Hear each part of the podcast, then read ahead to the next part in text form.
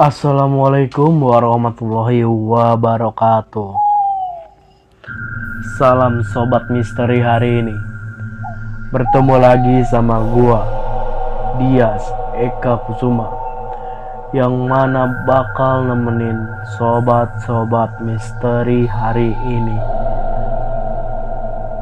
Bagi sobat-sobat misteri hari ini yang belum mengikuti podcast misteri hari ini, sok klik icon ikuti biar nggak ketinggalan cerita-cerita yang bakal misteri hari ini sediain. Teruntuk sobat-sobat misteri hari ini, harus selalu menjaga kesehatan, memakai masker bila keluar rumah, mencuci tangan, menjaga jarak, serta selalu mendapatkan perlindungan dari Tuhan Yang Maha Kuasa dari semua wabah yang ada. Pada episode ini, gua bakal bercerita mengenai apa yang dialami oleh pemilik cerita yang di mana pada saat itu ia mengalami kejadian yang tak bisa dia lupakan sampai sekarang. Di mana kita panggil saja namanya Tio. Tio ini mengalami kejadian yang tak pernah ia lupakan bersama teman-temannya, yaitu kehilangan temannya pada sewaktu kecil. Di mana cerita ini ditulis oleh Mas Wahyu di Twitternya.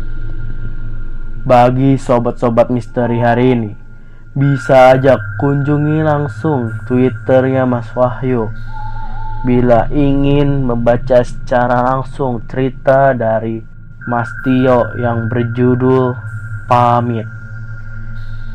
Tak hanya itu, di Twitter ya Mas Wahyu juga masih banyak cerita-cerita mistis lainnya. Adapun nama dari Twitter Mas Wahyu yaitu @wahyuaryan tn underscore. Pasti sobat-sobat misteri hari ini udah penasaran dengan ceritanya. Tidak perlu basa-basi lagi.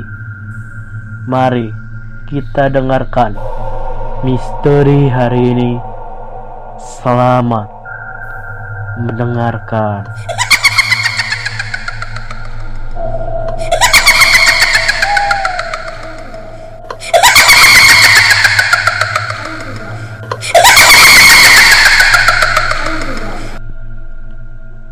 Namaku Tio. Ini adalah ceritaku saat belum beranjak dewasa seperti sekarang. Pada tahun itu, di tahun 2012,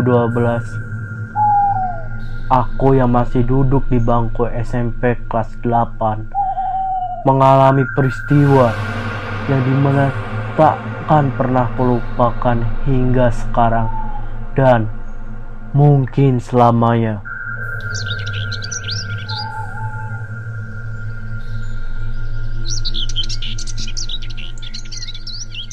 Nak, bangun nak. Nak, bangun. Ucap ibuku sambil menggoyang-goyangkan kakiku agar aku lekas bangun dan berangkat sekolah hari ini. Bangun, buruan mandi. Nak, bangun. Buruan mandi. Tambah ibuku. Iya,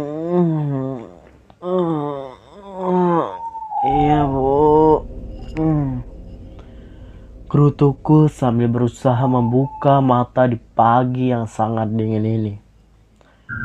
Dengan nyawa yang belum terkumpul penuh, aku berjalan ke belakang rumah, mengambil handuk dan melanjutkan mandi.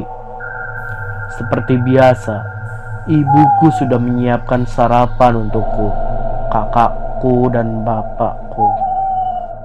Tempe dan sayur bayam sudah tersaji di atas meja makan, menanti kami lahap sekeluarga. Pulang sekolah, langsung pulang ya nak. Jangan mampir-mampir. Nasihat bapakku karena aku kerap pulang sekolah mampir ke rumah temanku dan tidak langsung pulang ke rumah. Iya pak, jawabku. Selesai makan, aku bersiap mengambil tas dan memakai sepatu untuk lekas berangkat sekolah. Kulihat kakakku juga demikian. Ia bersiap berangkat sekolah. Sesaat setelah sepatuku terpakai, kulihat Adi, temanku sekolah yang hanya beda kelas, sudah terlihat menghampiriku berangkat sekolah bersama. Van, ayo berangkat, ajaknya. Tak lupa aku pamitan dengan bapak ibuku sebelum berangkat. Pak, Bu, aku berangkat sekolah dulu. Adi sudah menyamper. Ucap pamitku sembari mengangkat tangan untuk salim kepada kedua orang tuaku. Iya nak, sekolah yang pinter. Ucap bapak dan ibuku. Kulihat ibuku mengeluarkan dompet khas ibu-ibu semasa itu dan mengeluarkan uang sebesar 5000 rupiah untuk uang sakuku. Kulangkahkan kakiku menuju sepeda legendaku yang selalu setia menemani perjalananku semasa SMP dulu.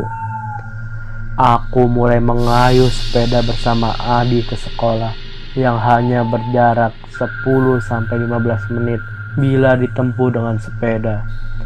Sejak dulu, aku adalah orang yang cenderung introvert bila di sekolah. Selama sekolah, aku tidak sering berkumpul dengan teman sekolahku. Aku banyak berkumpul saat di rumah dengan teman-teman rumah. Jam satu siang, aku pulang dari sekolah. Seperti biasa, aku pulang dengan teman-temanku entah yang satu desa atau satu arah dengan rumahku. Assalamualaikum bu, aku balik, seruku.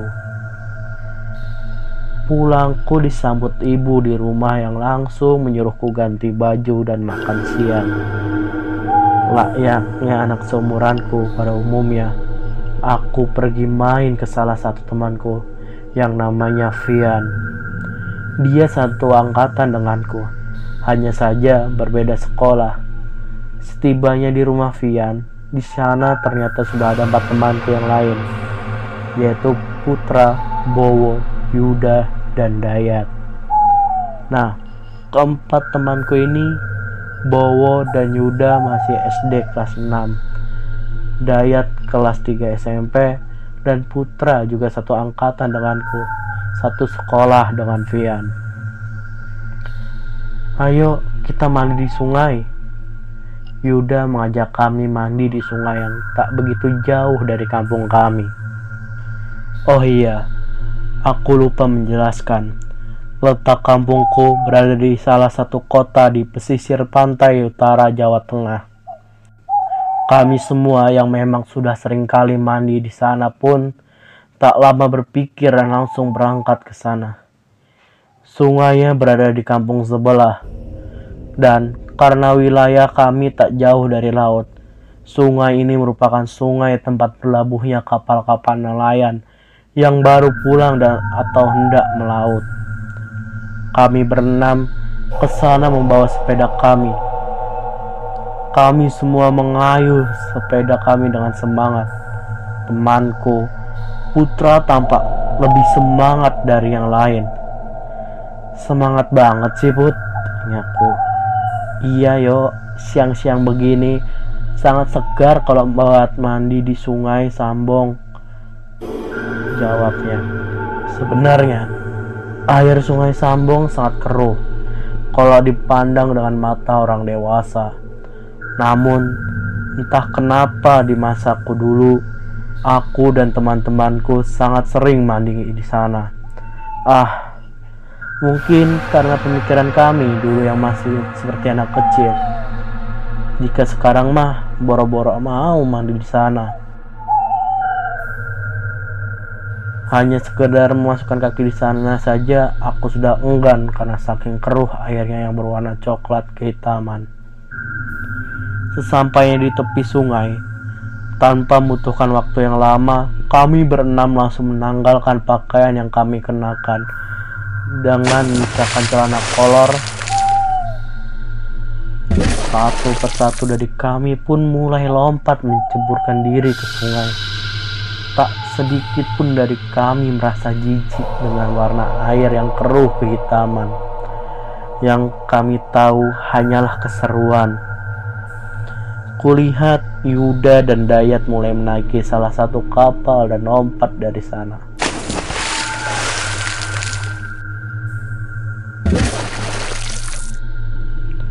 Seger banget lompat dari kapal itu ucap Dayat sambil menunjuk kapal yang ada dekat kami. Kami bergantian mengikuti Yuda dan Dayat yang melompat dari atas kapal. Kami melakukan itu di kapal yang berbeda yang ada di dekat kami. Jam menunjukkan pukul 16.30. Kami terpaksa menyudahi keasikan ini. Kami pulang ke rumah masing-masing dengan membawa pakaian basah kami. Rutinitas ini sering kami lakukan, namun tidak setiap hari. Mungkin satu minggu bisa dua hingga tiga kali aku dan kelima kawanku kembali ke Sungai Sambong ini. Besok harinya, sore hari seperti biasa aku kumpul dengan lima temanku yang kemarin. Mandi sungai lagi yuk, ajak Putra. Jangan terus-terusan put Dimarahin ibuku kalau setiap hari mandi sungai terus. Jawabku Iya put Timpal Bowo dan Yuda mendukung ucapanku. Ya udah Mending main kartu ketimbang tak main apa-apa kita Ajak Dayat ketika melihat kami. Kami semua pun pindah nongkrong di pos ronda kampung kami Aku, Dayat, Putra, dan Vian asik main kartu. Sementara Bowo dan Yuda memperhatikan kami berempat bermain. Saat maghrib akan tiba, kami semua pulang ke rumah masing-masing. Jangan baru pulang kalau sudah gelap.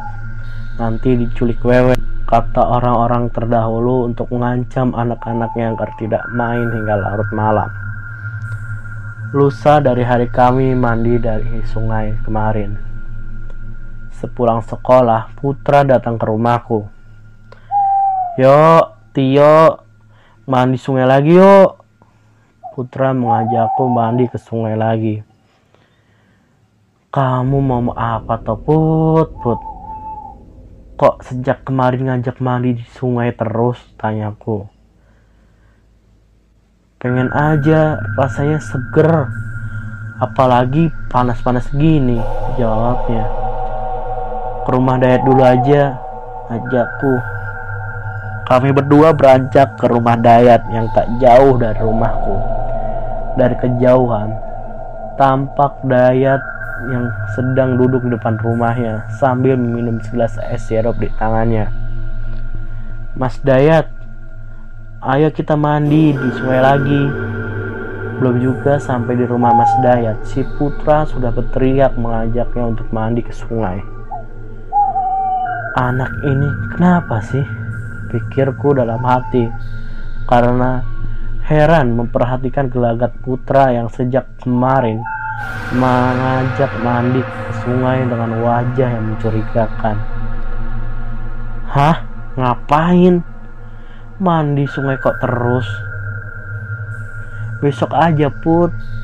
Jangan terus-terusan. Jawab Mas Dayat. Dengar jawaban Mas Dayat. Aku melihat wajah Putra Tampak kecewa. Putra tampak ingin memaksa Mas Dayat. Hanya saja Ia sungkan karena Mas Dayat lebih tua darinya. Akhirnya kami bertiga duduk-dudukan saja di depan rumah Mas Dayat. Tak lama, teman-temanku yang lain datang, tak hanya berenam. Kali ini ramai dari biasanya. kami semua asik dengan aktivitas kami masing-masing, layaknya anak-anak seumuran kami. Singkat cerita, besok harinya kami berenam kumpul lagi. Seperti biasa, aku, Vian, Bowo, Dayat, Putra, dan Yuda. Kali ini kami berkumpul di rumah Putra. Seperti hari-hari sebelumnya, Putra kembali mengajak kami semua mandi di Sungai Sambong. Aku yang sudah paham gelagat anehnya tiga hari ini, hai memendam tanya sebenarnya apa yang sedang terjadi atau yang sedang direncanakan Putra. Kali ini Mas Dayat mengiyakan ajakannya. Seperti biasa, kami berenam berangkat menggunakan sepeda andalan kami masing-masing. Di sepanjang jalan, kami merasa seperti preman jalanan yang terlihat keren melintasi jalanan kampung. Setibanya di Sungai Sambong, kami bersiap dan menanggalkan pakaian kami masing-masing.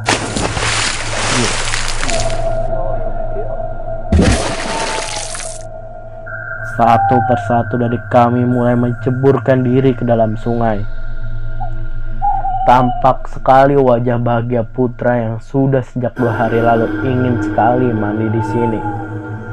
Tampak juga Mas Dayat dan Fian melompat dari atas kapal dengan gaya mereka masing-masing.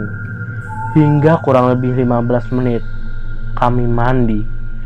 Kejadian aneh dan yang tak akan kami inginkan pun akhirnya terjadi. Putra yang sangat semangat dan gembira kali ini menaiki kapal untuk melancarkan niatnya lompat dari sana. Woi, lihat nih,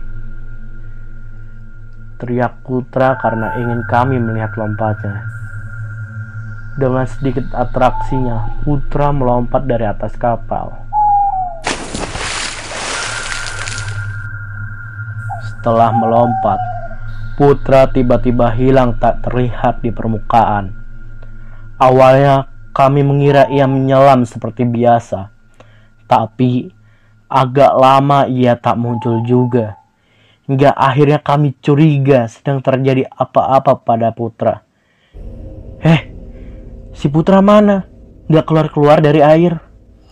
Ucap Vian panik dan tanya kepada yang lain saat menyadari kejadian itu. Serius kamu, Vi? Jangan bercanda deh. Jawabku saat aku belum menyadari kejadian ini. Iya, Mas. Ini Putra gak keluar-keluar sudah nyebur dari lompat tadi. Tambah bawa menguatkan Vian. Suasana yang baru memasuki sore yang awalnya ceria dan asik seketika berubah menegangkan dan menakutkan. Kami berusaha mencari putra sebisa kami, memanggil dan menyelam walau air keruh dan susah melihat ke dalam air. Tapi usaha kami sia-sia kami tidak menemukan putra. Karena tak menemukan apa-apa, kami berlima langsung menepi ke tepi sungai. Takut hal-hal yang tak kami inginkan menimpa kami semua. Ini gimana? Putra belum keluar dari air. Tanyaku kepada Mas Dayat karena ia yang paling tua di antara kami. Suasana di sekitar sungai sedang sepi karena baru masuk asar dan rumah-rumah warga agak jauh dari tempat kami mandi. Kami berlima kebingungan mau melakukan apa supaya putra kembali lagi. Mau mencari turun ke air lagi, tapi kami sudah takut kehendak turun ke air lagi. Cari bantuan, Van. Cepet cari bantuan. Seru Mas Dayat menyuruh bawa mencari tolongan warga. Bowo ditemani Yuda berlari ke arah rumah warga yang terdekat berharap mendapatkan bantuan dari sana. Mimpi apa kali sebelumnya? Bisa-bisanya dihadapkan masalah besar seperti ini di usia kami yang baru beranjak remaja. Sudut pandang Bowo dan Yuda mereka berdua masih hanya mengenakan celana pendek yang mereka pakai saat mandi di sungai. Kami semua tak sempat ganti baju. Kami hanya fokus agar putra lekas muncul lagi dan ketemu. Tolong! Tolong! Tolong! Tolong! Teriak Bowo dan Yuda sambil berlari. Seketika, warga yang mendengar langsung mengerumuni dan mendatangi Bowo dan Yuda. Apa yang terjadi nak? Kamu kenapa? Ada apa dengan kalian? Tanya Pak Yanto, salah satu warga yang datang dengan wajah panik ketika melihat Bowo dan Yuda. Iya nak, kamu kenapa? Imbu dari warga yang lain yang ikut mendatangi Bowo dan Yuda. Temanku pak, temanku hilang di sungai Sambong, ucap Bowo. Temanku Putra hilang tiba-tiba tenggelam di sungai Sambong pak. Imbu Yuda. Serius kamu nak? Jangan bercanda masalah seperti ini. Tanya Pak Yanto. Serius pak, Putra hilang. Jawab Yuda. Putra anaknya Pak Har sama Bu Anis itu karena tanya warga yang lain. Iya itu, Putra hilang waktu mandi di Sungai Sambong barusan ini tadi. Jawab Yuda. Ayo ayo, Pak, Bu, kita ke sungai. Kita cari putra. Seru Pak Yanto kepada warga yang berkumpul. Sementara dua orang warga yang bernama Bu Wati dan Bu rumah pergi ke rumah putra dengan maksud hendak memberikan kabar ini kepada orang tua putra. Kembali lagi kita ke sudut pandang Tio. 10 menit kami menunggu. Tiba-tiba ada badan yang muncul di dalam air mengambang dengan keadaan terlungkup. itu putra, itu putra, ucapku dengan teriak memberitahu yang lain. Tanpa berpikir lama, aku, Mas Dayat, dan Fani langsung menceburkan diri ke dalam air dan menghampiri tubuh manusia yang kami yakini itu adalah tubuh putra. Ini benar putra, Ucap Mas Dayat saat mendapati benar bahwa itu adalah tubuh putra yang sudah tak sadarkan diri. Kami langsung menepikan tubuh putra ke tepi sungai. Badan putra terasa lebih berat dari sebelumnya. Padahal ukuran badannya sama denganku yang tak begitu besar. Bebarengan dengan kami yang berhasil mengangkat dan menepikan tubuh putra Bowo dan Yuda datang dengan membawa banyak warga bersamanya. Mana anak yang hilang, nak? Mana? Tanya warga bersahutan satu sama lain. Ini pak, baru ketemu. Keadaannya sudah seperti ini. Jawab Mas Dayat.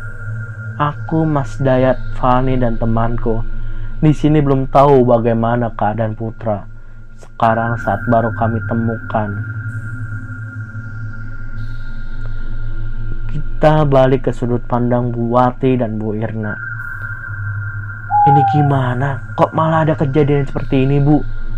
Ucap Bu Wati kepada Bu Irna. Aku sendiri nggak paham, Bu. Bu, ayo buruan mengabarkan ke Pak Hara, Bu Anis. Kasihan mereka. Aku nggak bisa membayangkan perasaannya Pak Hara sama Bu Anis. Bagaimana kalau tahu anaknya gini? Ucap Bu Irna. Setibanya di depan rumah Pak Har, rumahnya tampak sepi dengan pintu ditutup. Tok tok tok. Assalamualaikum. Bu, Assalamualaikum. Pak. Assalamualaikum. Ucap salam Bu Wati dan Bu Irna bergantian. Berharap Pak Har dan Bu Anis sedang di rumah. Assalamualaikum. Ucap salam Bu Irna sekali lagi. Waalaikumsalam. Ya, sebentar. Terdengar suara Ibu Anis dari dalam. Tak lama, Bu Anis membuka pintu. Ada apa ya, Bu? Tanya Bu Anis yang sedikit kebingungan melihat raut wajah Bu Wati dan Bu Irna yang tegas. Itu, Bu. Itu Bu Anis. Itu. Ucap Bu Irna itu bu Putra anaknya ibu Anis hilang di kali Sambong Ucap Buati terbata-bata. Yang benar aja bu, anakku nggak apa-apa.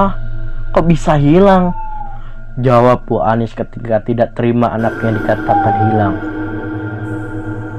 Iya bu, sebelumnya maaf. Ini warga juga yang beri kabar teman-temannya Putra yang tadi mandi bareng di Kali Sambong. Ucap Buati lagi meyakinkan Bu Anis. Tanpa menjawab, Bu Anis tiba-tiba langsung berlari ke dalam rumah. Bapak, Pak, anakmu Pak. Teriak Bu Anis dalam rumah memanggil suaminya. Setelah itu tak terdengar lagi per percakapan Bu Anis dengan Pak Har. Tak lama, Bu Anis keluar rumah dengan Pak Har dan langsung menaiki motornya menuju Sungai Sambong. Terlihat sekali wajah Pak Har dan Bu Ani sangat panik mengkhawatirkan anaknya, Putra. Kembali lagi ke sudut pandang Tio. Warga yang tiba-tiba datang langsung mengerumuni kami semua. Kurang lebih ada 10 warga yang mendatangi kami sore itu. Tampak salah satu warga yang bernama Pak Agus mengecek keadaan Putra Beliau adalah salah satu tokoh masyarakat di sekitar sini. Innaillahi wa inna ilaihi rajiun.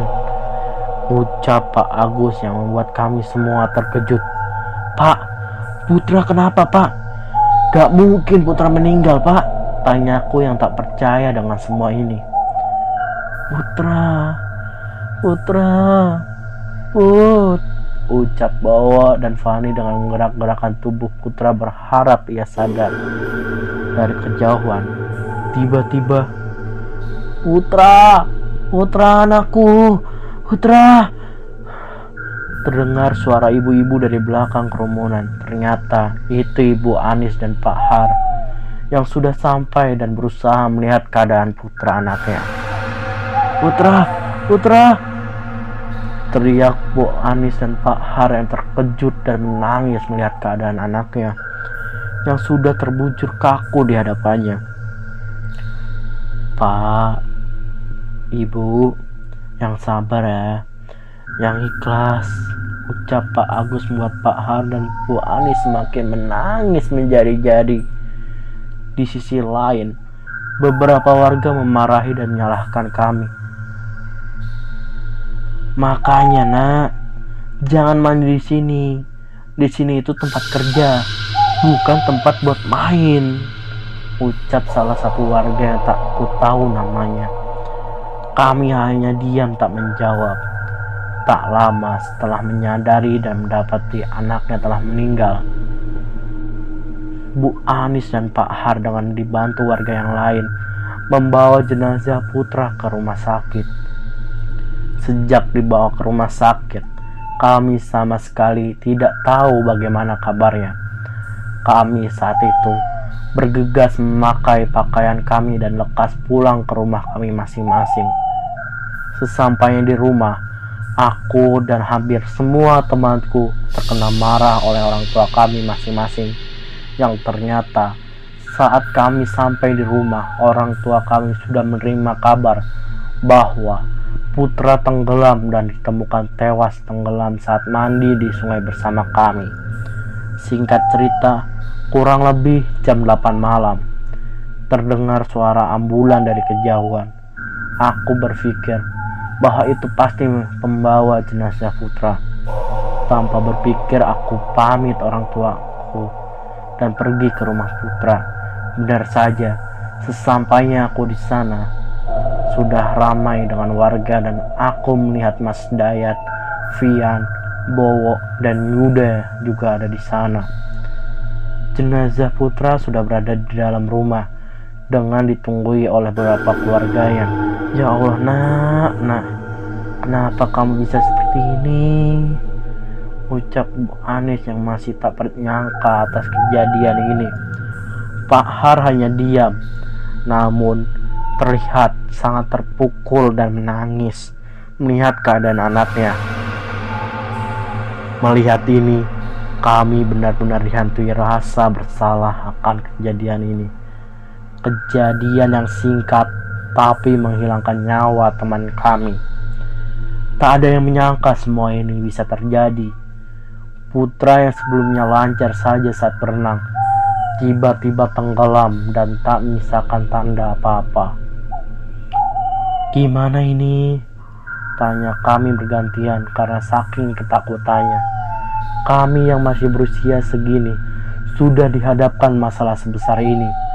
Beberapa warga kampung tampak membantu menyiapkan perlengkapan selayaknya saat ada orang meninggal. Kami hanya berani menunggu di depan rumah dan duduk di pinggir jalan. Tiba-tiba ada bapak-bapak menghampiri kami. Beliau adalah Pak Nasih ketua RT tempat rumah Putra. Putra tadi mandi sungai dengan kalian semua? Tanya Pak Nasi. Iya Pak, jawab kami. Kok bisa seperti ini? Bagaimana ceritanya? Tanya Pak Nasi lagi. Kami semua bingung siapa yang hendak menjelaskan. Akhirnya, Vian memberanikan diri menceritakan kronologi kejadiannya. Tadi Putra dengan kami semua mandi sungai waktu sebelum asar. Awalnya normal karena sudah biasa mandi di sana. Tapi waktu Putra lompat dari atas kapal, tiba-tiba Putra hilang tenggelam di dalam air. Pungkas Vian. Pak Nasi tampak bingung. Lah, apa waktu tenggelam Putra tidak teriak minta tolong? Tanya Pak Nasir lagi. Enggak Pak. Maka dari itu kami juga bingung. Tiba-tiba Putra tenggelam. Jawab Rian. Tadi waktu di rumah sakit, kaki kiri Putra lebam nak. Apa nggak ketarik apa-apa kakinya? Tanya Pak Nasih. Tidak Pak, aku menolong Putra ya tak apa-apa di kakinya. Jawab Mas Dayat. Tiba-tiba aku teringat dengan gelagat aneh putra yang sudah 2 sampai 3 hari kemarin ngotot ngajak mandi di Sungai Sambong. Tapi Pak, aku sudah memperhatikan putra sejak kemarin gelagatnya sangat aneh. Yang di mana putra ingin sekali mengajak kami mandi di Kali Sambong Katanya mau apa waktu sampai sana leh? Tanya Pak Nasi. Katanya sih, ya pengen aja pak, tak ada alasan khusus, jawabku. Setelah itu, Pak Nasi pamit kepada kami dan masuk ke dalam rumah Bu Anis dan Pak Har. Dari luar tempat kami kumpul, tampak Pak Nasi mengajak ngobrol Pak Har. Sepertinya ia menjelaskan informasi yang telah kami berikan. Sementara Bu Anis yang dibantu oleh ibu-ibu yang lain tampak masih menangis anak kesayangannya sudah terbujur kaku tak bernyawa di hadapannya. Malam itu benar-benar terasa menyedihkan. Kami kehilangan salah satu teman baik kami. Andai saja waktu bisa diulang. Esok harinya, pagi sekitar jam 9 jenazah putra dikubumikan dan kebetulan hari itu adalah hari libur, jadi kami bisa mengikuti. Kerumunan warga berjalan menuju TPU terdekat di kampung kami. Singkat cerita, jenazah putra selesai dimakamkan dan kami pulang ke rumah kami masing-masing. Satu minggu setelahnya, semua kembali normal. Sebelum akhirnya dalam tidurku, Aku bermimpi kejadian yang cukup membuatku takut. Di dalam mimpi, aku yang tengah asik membaca buku di dalam rumah, tiba-tiba mendengar suara tangis anak laki-laki di luar rumah. Awalnya aku hanya membiarkannya saja, tapi lama-lama suara itu semakin jelas. Akhirnya aku putuskan untuk keluar rumah dan mencari dari mana sumber suara itu. Dari luar rumah, aku melihat putra tak jauh dari rumahku duduk dan menangis. Aku yang penasaran akhirnya menghampirinya dan tanya apa hal yang sedang menimpanya. Maafkan aku yo. Sampaikan maafku juga ke teman-teman, terutama kepada orang tuaku yo. Aku minta dikirimin doa. Di sini aku merasa sangat panas. Ucap putra dalam mimpiku sambil merintih menandakan bahwa ia sangat kesakitan. Setelahnya aku tiba-tiba bangun dari tidurku dengan nafas tersegal-segal dan badanku penuh dengan keringat. Aku sangat terkejut dengan mimpiku barusan. Mimpi didatangi temanku yang telah meninggal seminggu yang lalu. Aku langsung ngambil air minum dan mendapati jam masih pukul 3 dini hari. Besoknya aku kembali berkumpul dengan teman-temanku di pos kampung di kampung kami. Tiba-tiba Mas Dayat membuka percakapan yang cukup membuatku terkejut. Kalian mimpi didatangi putra nggak? Tanya Mas Dayat. Mas, kamu dimimpiin juga. Aku juga dimimpiin putra, jawabku.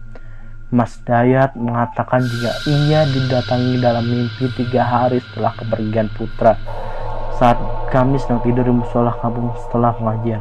Yang membuatku terkejut lagi adalah ketiga kawanku yang lain juga didatangi putra di dalam mimpinya mereka masing-masing dan juga memberikan pesan yang sama.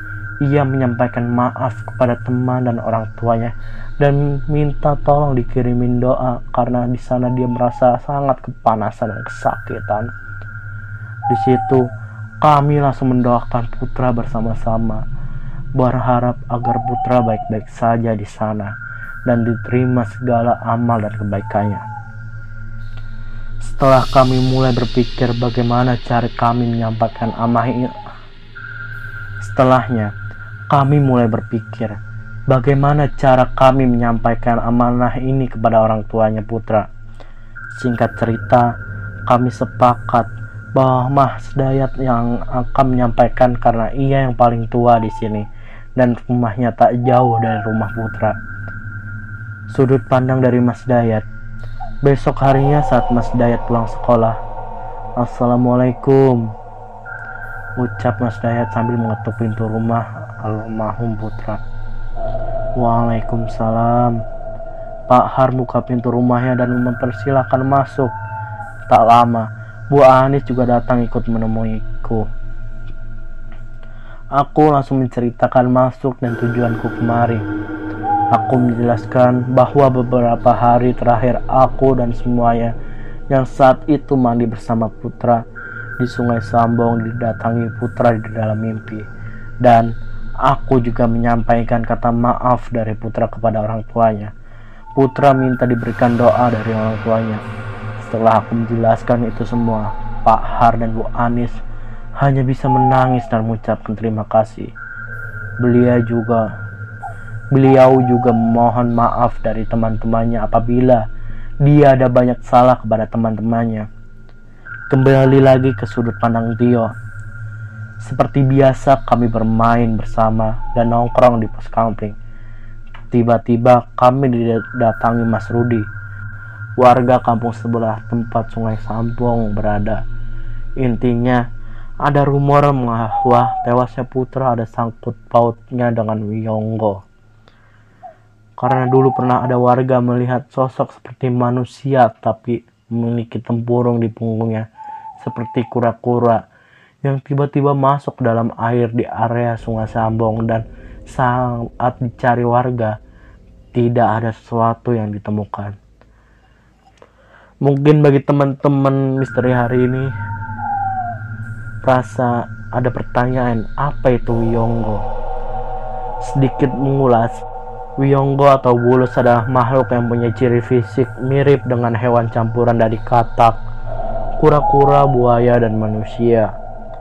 Dengan bentuk tubuh layaknya manusia, dengan rambut yang panjang, dengan moncong mulut dan gigi runci mirip buaya. Dan di punggungnya ada tempurung mirip kura-kura serta di tangan dan kakinya ada selaputnya layaknya seekor katak.